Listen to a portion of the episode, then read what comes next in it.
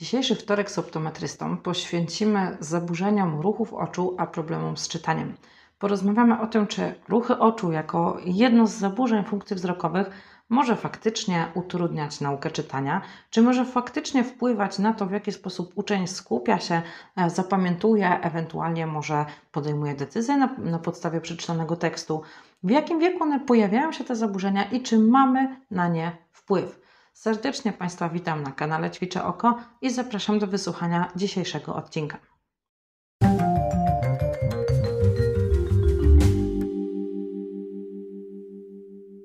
Nazywam się Barbara Pakuła, jestem optometrystką. Całą pracę swoją poświęcam doborom okularów, terapiom widzenia przy zezie, niedowidzeniu, przy optodysleksji, czyli też przy zaburzeniach ruchów oczu.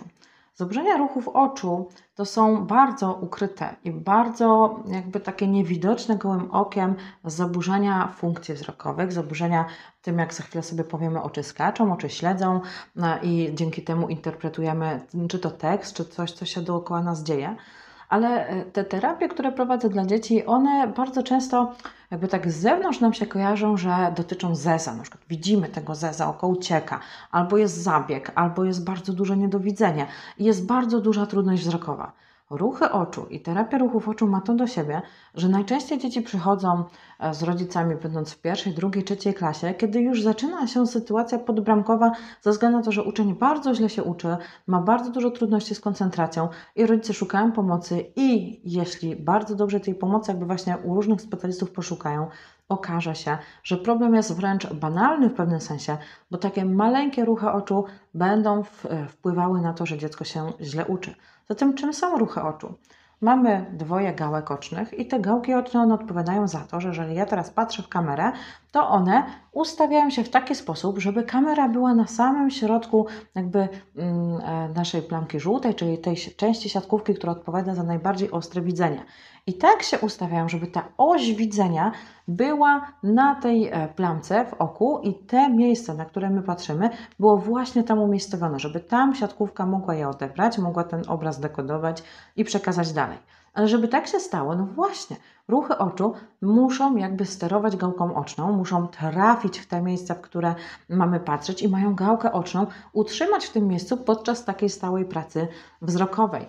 Zatem jeżeli teraz ktoś by podszedł i rzucił do mnie piłką z boku, odruchowo wykonam ruch taki skokowy oczu w kierunku lecącej piłki i natychmiast dzięki temu ruchowi będę mogła podjąć decyzję, czy się uchylam, czy muszę się przesunąć, a może dam radę piłkę złapać. Czyli ten ruch oka, ten spontaniczny, w momencie, kiedy gdzieś z boku siatkówka częścią peryferyjną będzie dekodowała ruch, to ten spontaniczny ruch oczu uchroni mnie jakby przed uderzeniem to dzięki ruchom oczu my na przykład, gdy jedziemy samochodem, możemy bardzo szybko, skokowo skanować przestrzeń, która jest dookoła nas i znów, gdyby było jakieś zagrożenie na poboczu, dzięki tym szybkim ruchom, dzięki przeskokom oczu jesteśmy w stanie ten samochód prowadzić płynnie, bez żadnego jakby takiego, wiecie, utrapienia, że my non-stop patrzymy, non-stop się wysilamy.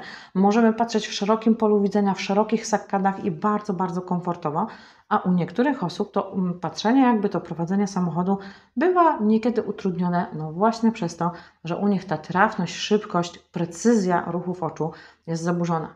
Jeszcze kolejny przykład. Sportowiec. Jeżeli sportowiec jest na boisku, współpracuje z własną drużyną, niezależnie od sportu, czy to będzie e, koszykówka, czy to będzie piłka nożna, czy to będzie siatkówka, tam gdzie prędkości są bardzo szybkie, tam nie ma miejsca na to, żeby ruchy oczu były nieprecyzyjne. Tam sportowcy to są osoby, które e, parametry jakby ruchów oczu, szybkość, wytrzymałość mają jedną z lepszych e, w porównaniu do innych osób. Zatem tu precyzja, ruch śledzący za piłką, ruch skaczący tam, gdzie trzeba szybko przerzucić wzrok, jest podstawą w momencie, kiedy musimy osiągnąć bardzo dobre wyniki, e, złapać, wycelować, uderzyć. To jest podstawa. Ruchy oczu to jest w podstawa. Zatem e, czym są ruchy oczu? Ja wymieniłam kilka ich rodzajów. Znaczy pierwsze takie najbardziej podstawowe zadanie oczu w kontekście ruchów oczu to jest ta fiksacja, czyli spojrzenie na dany przedmiot, kiedy my mamy spojrzeć, utrzymać wzrok na tym, co nas interesuje, na bodźcu, na przedmiocie naszej uwagi. Więc przedmiotem mojej uwagi teraz jest kamera, ja cały czas na nią patrzę. Zobaczcie, mimo ruchów głowy, cały czas moje oczy są w stanie utrzymać spojrzenie właśnie na kamerze, czyli jakby mimo tego, że moje ciało się rusza, one są w stanie to zrobić. Mamy ruchy oczu zwane skaczącymi, czyli to jest ten moment, kiedy na przykład skaczemy po tekście oczami, żeby go przeczytać, żeby od wyrazu do wyrazu, od grupy wyrazów do grupy wyrazów, od linijki do linijki przeczytać tekst. Mamy ruch śledzący, wtedy kiedy uprawiamy na przykład sport, wtedy kiedy rzucamy, kiedy kulamy. E, to są ruchy, które śledzą poruszający się obiekt i pozwalają ocenić, czy to jego ruch, czy to jego trajektorię, czy dzięki temu my też możemy ocenić, e, jakie ono na przykład stanowi zagrożenie, czy jest to piłka, którą do nas rzucamy i my w tym momencie po prostu bawimy się i gramy w Babingtona na przykład. E, idąc dalej, mamy właśnie skakanie, śledzenie, mamy też ruch wergencyjny, czyli ruch dwóch gałek oczu do środka albo na zewnątrz, czyli tam, gdzie mamy konwergencję i dywergencję, również ruchy oczu odpowiadają za to ustawienie oczu. Czyli może być konwergencja i może być dywergencja wtedy, kiedy patrzymy na wprost i oczy ustalone są równolegle. Bardzo prosto to pokazać, tak? Gdy coś się zbliża, konwergujemy, patrzymy coraz bliżej. Gdy popatrzę nadal za kamerę, równolegle, zbieżnie, równolegle, zbieżnie. Rewelacyjnie to widać. Od razu jakby ten ruch oczu jest tutaj do wyłapania, e, podobnie jak śledzenia zresztą i skakania. Zatem czy ruchy oczu chyba nigdy tak naprawdę nikt się tak sam z siebie nie, nie, zastanawia, czy on wyćwiczył dostatecznie ruchy oczu, czy ruchy oczu myśmy się z nimi urodzili, na jakim etapie one się e, kształtują, o co tu chodzi. I tak faktycznie, gdybyśmy się zastanowili, to w rozwoju dziecka, gdy ono się rodzi, ruchy oczu w pierwszych, e, pierwszy miesiąc, drugi miesiąc, e, one zaczynają kształtować się w kontekście obłocznej współpracy oczu, obłocznego wykonywania, w sensie gdy oczy skaczą, to jednocześnie. Na początku w wąskim zakresie i w bliskich odległościach, potem się ten zakres rozszerza, dziecko widzi na coraz dalsze odległości, coraz wyraźniej i ruchy oczu specjalizują się. Pierwszy rok życia dziecka to jest właśnie ustalenie i rozwinięcie się układu przedsionkowego. To są też układy, które e, e, wspomagają orientację ciała, które wspomagają podstawową koordynację. I tutaj no właśnie, czucie głębokie, czy układ przedsionkowy, tak, praca błędnika, koordynacja własnego ciała, mięśnie, utrzymania tego tonicznego, wewnętrznego napięcia mięśni, tych e, głębokich, które utrzymują korpus naszego ciała. Tutaj na ten temat na pewno terapeuci SI czy fizjoterapeuci mogliby Państwu powiedzieć bardzo dużo, ale właśnie w tej części ruchy oczu razem z tymi układami rozwijają się jednocześnie i uczą się współpracy oczy ze sobą i ruchy ulegają coraz to lepszej specjalizacji i automatyzacji. I teraz na tym etapie już z różnych powodów, bo to może być powód neurologiczny, może być chorobowy, może być urazowy, ale również z powodu zaniedbania, mm, z powodu braku bodźców, z powodu zbyt małej ilości bodźców, zbyt małej ilości zabawy, zbyt małej ilości ruchu, te pierwszy rok i kolejne lata życia mogą powodować u dziecka, że ruchy oczu w pewnym sensie, większym lub mniejszym, będą zaburzone. I to jest moment, do którego dzisiaj w nagraniu dochodzimy. Możemy mieć zaburzenia e, ruchów skaczących, czyli gdy oczy śledzą, mogą, e, skaczą, mogą to robić zbyt często, zbyt mocno, zbyt mało, mogą być niestabilnie. Gdy rzucają tę fiksację, może się okazać w ten sposób, że ta fiksacja po prostu nie trafia w ten przedmiot, który ma i oczy zamiast jednym spojrzeniem spojrzeć na ten podmiot uwagi, to na co chcemy spojrzeć, ono wykonuje dwa, trzy ruchy. Albo gdy spojrzy, to nie utrzyma, oczy nie utrzymają bardzo długo jakby tego ustawienia na obiekcie i zaraz jest wykonywany inny ruch. Proszę, to trzeba sobie wyobrazić, że my patrzymy i na przykład chciałabym spojrzeć na kubek, który stoi na biurku przede mną i ja na niego spoglądam, ale za chwilę oczy uciekają, czy jakby fiksacja jest gubiona. Gdy mamy śledzenia zaburzone, gdy nie potrafimy śledzić, gdy nasze oczy wyko wykorzystują ruchy skokowe, gubią przedmiot, gubią, jakby nie są w stanie wtedy analizować ani ruchu, ani odległości, ani stosunków przestrzennych przy tym przedmiocie i również wtedy dziecko, czy to w sporcie, czy to w takich podstawowych zabawach, będzie miało dość duży problem. Może być tak, że ruchy oczu będą zaburzone i będą wpływać na poczucie równowagi, na koordynację ciała, na pewność ruchu, na stabilność ruchu dziecka i może się to objawiać na, od tak samego początku do wielu, wielu lat, kiedy te zaburzenia nie jest wy, wyprowadzone. Mamy oczywiście też zaburzenia wergencji, czyli tych ruchów do środka i ruchów na zewnątrz. Ta awergencja może być za silna, ona może być za słaba, za silna na bliż, za, za silna na dal. Mogą być przeróżne zaburzenia i znów mamy tę sytuację, że gdy ja chcę spojrzeć na palec, to ja myślę, że na niego spoglądam, ale konwergencja będzie reagowała zbyt silnie, zbyt słabo i wtedy te osie widzenia nie będą wcale przecinały się w tym miejscu, w którym mają i będą wprowadzały zaburzenia.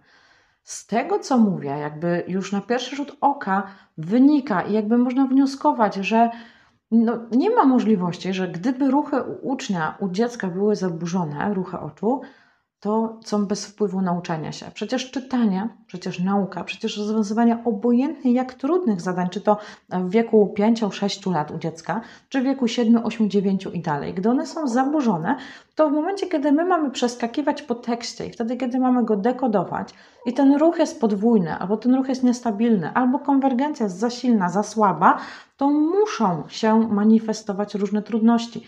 Gdy dziecko skupia swoją uwagę na tym, żeby zobaczyć, żeby wyostrzyć, żeby się nie rozdwajało, żeby tekst był stabilny, to w tym momencie muszą, jakby ono widzi, stara się zobaczyć to, co chce zobaczyć, ale nie może, nie ma jakby możliwości skupienia się takim stuprocentowym na tym, na co patrzy, nie uczy się tego, nie automatyzuje pewnych procesów i w większym lub mniejszym stopniu są zaburzenia. To jest rewelacyjny temat, jakby, który mm, niestety no, w moim gabinecie jakby pojawia się coraz częściej właśnie ze względu na to, że jest świadomość rodziców i świadomość innych terapeutów, że terapia ruchów oczu musi zostać przeprowadzona. Musimy się cofnąć do pewnych, mm, pewnych zabaw, do pewnych jakby aktywności, żeby nauczyć się ruchy oczu ćwiczyć, żeby te ruchy oczu były w takim zakresie, w jakim być powinny, żeby były mocne, wytrzymałe i automatyczne. I ten rewelacyjny jakby temat z punktu widzenia funkcjonowania e, ma ogromne przełożenie na jakość nauki, na jakby mm, taką szybkość też nauki, zapamiętywania, odczytywania, decydowania na podstawie tekstu i będzie też predestynował uczniów do tego, czy na przykład będą, miały, będą mieli stałe trudności w czytaniu, czy będą one również e, jakby do wyćwiczenia mm, poprzez terapię najpierw ruchów oczu, a później też percepcji przetwarzania i będziemy tutaj pomocni. E, jeżeli te Państwa tematy interesują, to jest webinar, który jest udostępniony jakby dla Państwa cały czas. Mm, jest to webinar na temat trudności e, w nauce, w szkole, w przedszkolu i jakby zaburzeń funkcji wzrokowych.